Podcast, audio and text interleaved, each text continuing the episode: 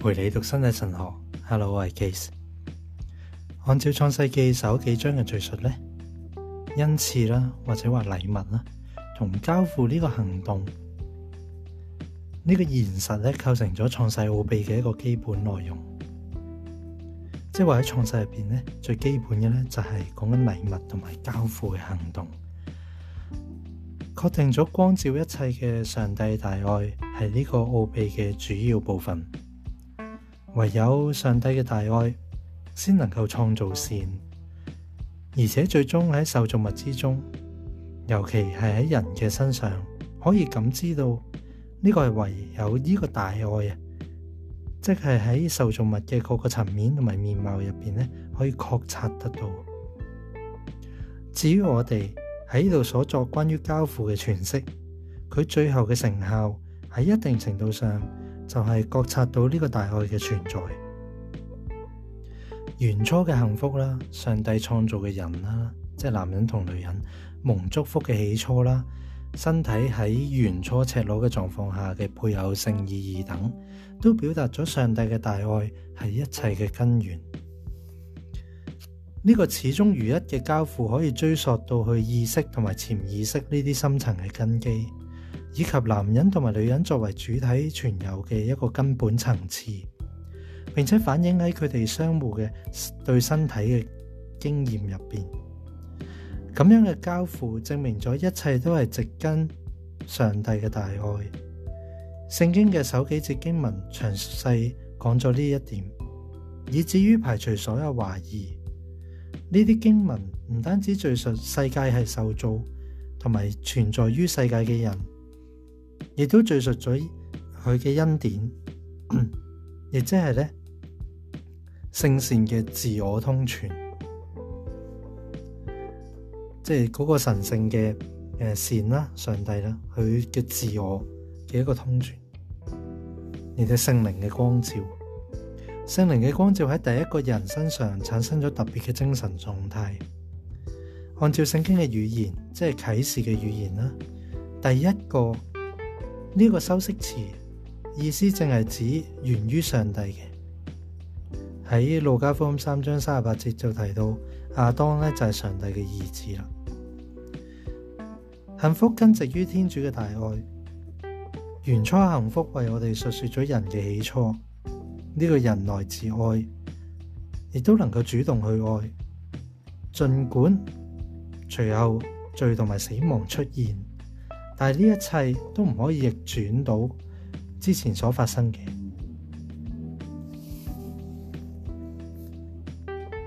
冇办法咧，就可以逆转到之前嘅创世喺基督嘅时代，佢见证咗做物主，即系父上帝唔可以撤回嘅爱，而呢个爱其实喺藉住创世嘅奥秘同埋原初嘅清白无罪，即系原初嘅纯洁。嗰個恩典咧，表達出嚟。為此，羞耻咧冇出現喺男人同埋女人嘅共同起初入邊，亦即係冇出現喺佢哋具有男性同埋女性特質嘅身體嘅原初真貌入邊，冇啊！入边冇羞耻。創世纪二章廿五節引導我哋去咁樣注意到，我哋可以將呢個起初界定為原初同埋蒙祝福。嘅抵御羞耻嘅能力，呢個係一個愛嘅效果喺原初入边咧，能夠抵御到羞耻。呢種抵御力引導我哋注意到人嘅原初純潔呢個奧秘。純潔咧、清白無罪咧，係一個奧秘嚟嘅，關乎人喺認識善惡之前嘅生存方式。善同埋惡可以話係喺佢哋知識範圍之外嘅嘢。喺破坏同造物主所订立嘅盟约之前，人就系咁样生活啦。而咁嘅事实系圆满嘅创世奥秘嘅一部分。正如我哋所讲啦，如果创世系上帝赐俾人嘅礼物，咁创世嘅圆满啊，同埋最深层嘅向导呢，就取决于上帝嘅恩典亦即系取决于分受咗上帝嘅内在生命同埋佢嘅善啊。即係我哋分受咗嘅意思，即係獲得得到一部分啊。上帝內在嘅生命同埋分到佢嘅善喺人身上呢份嘅善咧，即係好嘅嘢，即係神性好嘅嘢，與別不同好嘅嘢，亦即係佢嘅原初清白無罪嘅內在基礎同埋根源。藉住呢個概念更確切咁樣講，藉住原初。原始嘅誒清義呢個概念啦，神學界定咗人喺原罪之前嘅情況。為了解身體神學，目前有關起初嘅分析呢係一啲唔可以缺少嘅準備。喺呢啲分析入邊，我哋必須探究人嘅原初情況嘅奧秘。事實上，正係咁樣對身體嘅意識，更確切咁講，就係對身體意義嘅意識。即系个身体嘅配偶性嘅意义，我哋意识到嘅，亦即系我哋尝试透过分析起初而呈现嘅，展现咗原初嘅纯洁独有嘅特质。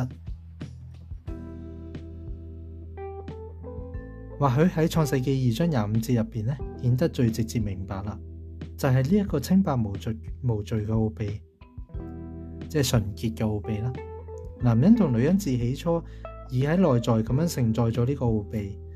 二人各自嘅身体本身就系呢个特质嘅见证，可以话系现场嘅见证者。创世纪二章廿五节在到所在嘅佢哋赤裸相对而不感到害羞嘅陈述，喺整个圣经入边咧系独特嘅，以至咧之后都冇重复过出现嘅。呢一点系非常重要嘅。与此相反，我哋可以引述好多指出赤裸带嚟羞耻感嘅经文。有啲经文甚至更加激烈，指出赤裸系会导致沾污嘅。喺呢个广阔语境入边，我哋有更明确嘅理由，能够喺创世纪二章廿五节窥见到原初嘅清白无罪啲奥秘，并体会到原初嘅清白无罪点解得以光照人嘅主体。呢个清白无罪属属于创世奥秘所包含嘅恩典向导。亦即系属于嗰个专为人嘅内心深处而设嘅一个奥妙嘅恩赐，咁样嘅恩赐令到男人同埋女人自起初就活喺无私自我交付嘅相互关系入边。呢种恩典亦都揭示咗，且同时令到男人同女人发觉，据男性同埋女性特质嘅身体嘅配偶性意义，我哋可以理解到点解我哋喺呢个情况入边。将展现同埋发觉呢两个字咧一齐论述。从我哋嘅分析去睇，我哋一定要通过原初清白无罪嚟认识身体嘅配偶性意义。更确切咁讲就系正系咁样嘅发觉，即系原本就有噶啦。但系咁样嘅发觉咧，揭开咗原初清白无罪嘅面纱，令到佢咧变得显而易见。原初清白无罪系人嘅。起初呢个奥秘嘅一部分，人却因为犯原罪而离开咗呢个奥秘。然而咁唔代表人唔能够藉住神学嘅知识靠近呢个奥秘。奥秘喺历史中嘅人呢，即系救恩史入边嘅人呢，即系犯咗罪之后，要成个救恩嘅历史展开啦。咁就叫历史中嘅人呢，可以话尝试藉住对比嘅方式。亦即系藉住回顾自己嘅罪疚同埋罪性嘅经验，去了解原初清白无罪呢个奥秘。佢致力将原初清白无罪理解为身体神学嘅一个主要特点，视之为羞耻经验嘅起点。事实上，呢段圣经经文俾佢指出呢个方向，即系帮历史中嘅人指出呢个方向啦。原初清白无罪，因此系彻底嘅。彻底咁样，亦即系从根本上咧排除咗喺男女关系中对身体而感到羞耻，亦都喺人嘅身上喺佢嘅心啦、良心啦入边咧消除咗呢种羞耻嘅必然性。虽然咧《原初清白无罪》主要系讲到做物主嘅恩赐，讲佢嘅恩典，但系呢个恩典咧助人活出。人物世界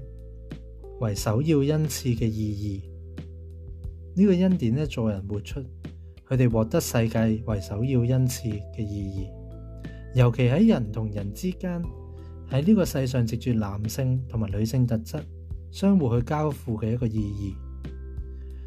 但系呢个清白无罪睇嚟，首先系指向人心嘅，系人嘅意志嘅内在状态，佢至少系间接。包括展现咗人嘅道德意识啦，同埋人发觉呢个意识，而即系整个良心嘅展现同埋发觉，而且显然系喺人认识善恶之前嘅展现同发觉。喺某种程度上，我哋应将佢理解为原始嘅一种义嘅，即系称义喺上帝面前无罪。因此，我哋系从历史嘅后验角度。尝试重塑原初清白无罪嘅一啲特有嘅特质，并将原初清白无罪理解为一种相互对身体嘅经验嘅内容，即系呢种原初嘅纯洁，讲紧对身体嘅经验，理解为对身体嘅配偶性意义同埋体验。而讲意义就系一种配偶，即系对身体嘅经验咧，其实系讲紧嗰种配偶性嘅意义。即係見到對方男性、女性嘅特質係上帝所做嘅，之前講到係一份禮物，去接納對方並且赤身露體唔覺得羞恥，好圓滿嘅呢個配偶性嘅意義。由於幸福同埋清白無罪已經铭刻咗人同人嘅位制共融嘅架構入面，有如人生活喺創世奧秘嘅兩條交匯線，所以對身體意義。呢个蒙祝福嘅意识受住原初清白无罪嘅重要影响，睇嚟冇任何理由阻止我哋将呢个原初清白无罪理解为心嘅纯洁啊！即系喺之前喺我喺方书入边提到清心嘅人心嘅纯洁，即系按照身体嘅配偶性意义保持内心忠于嗰份恩赐，就系上帝做咗对方俾你。你彼此男同女都係為咗對方而做嘅一份禮物，係上帝所做嘅禮物，係上帝俾佢嘅一份禮物，就係佢嘅身體，佢嘅佢嘅人性。因此如此理解，原初清白無罪，始終如一咁樣見證咗英历善恶之前嘅良心，而且良心呢個穩固不變嘅見證更加係無祝福嘅。事實上，我哋可以話。對於具男性同埋女性特質嘅身體，對其配偶性意義嘅意識，唯有直接見證，先至會享有專屬嘅人、專屬於人嘅梦祝福。就係要透過配偶性意義嘅意識，我哋要知道配偶性嘅意義咧，而且見證咧，先至可以獲得嗰份嘅祝福。咁我哋咧會一下子咧再去討論呢個話題，即係關於人嘅清白無罪。即系心嘅纯洁同埋人嘅幸福之间嘅关系，而呢个关系咧，直住分析诶人嘅起初咧，而变得更明显嘅。咁咧，我哋就下次会再讲呢个清白无罪同埋交付往来啦，即系互相相互交付，即系交出自己同埋接纳对方。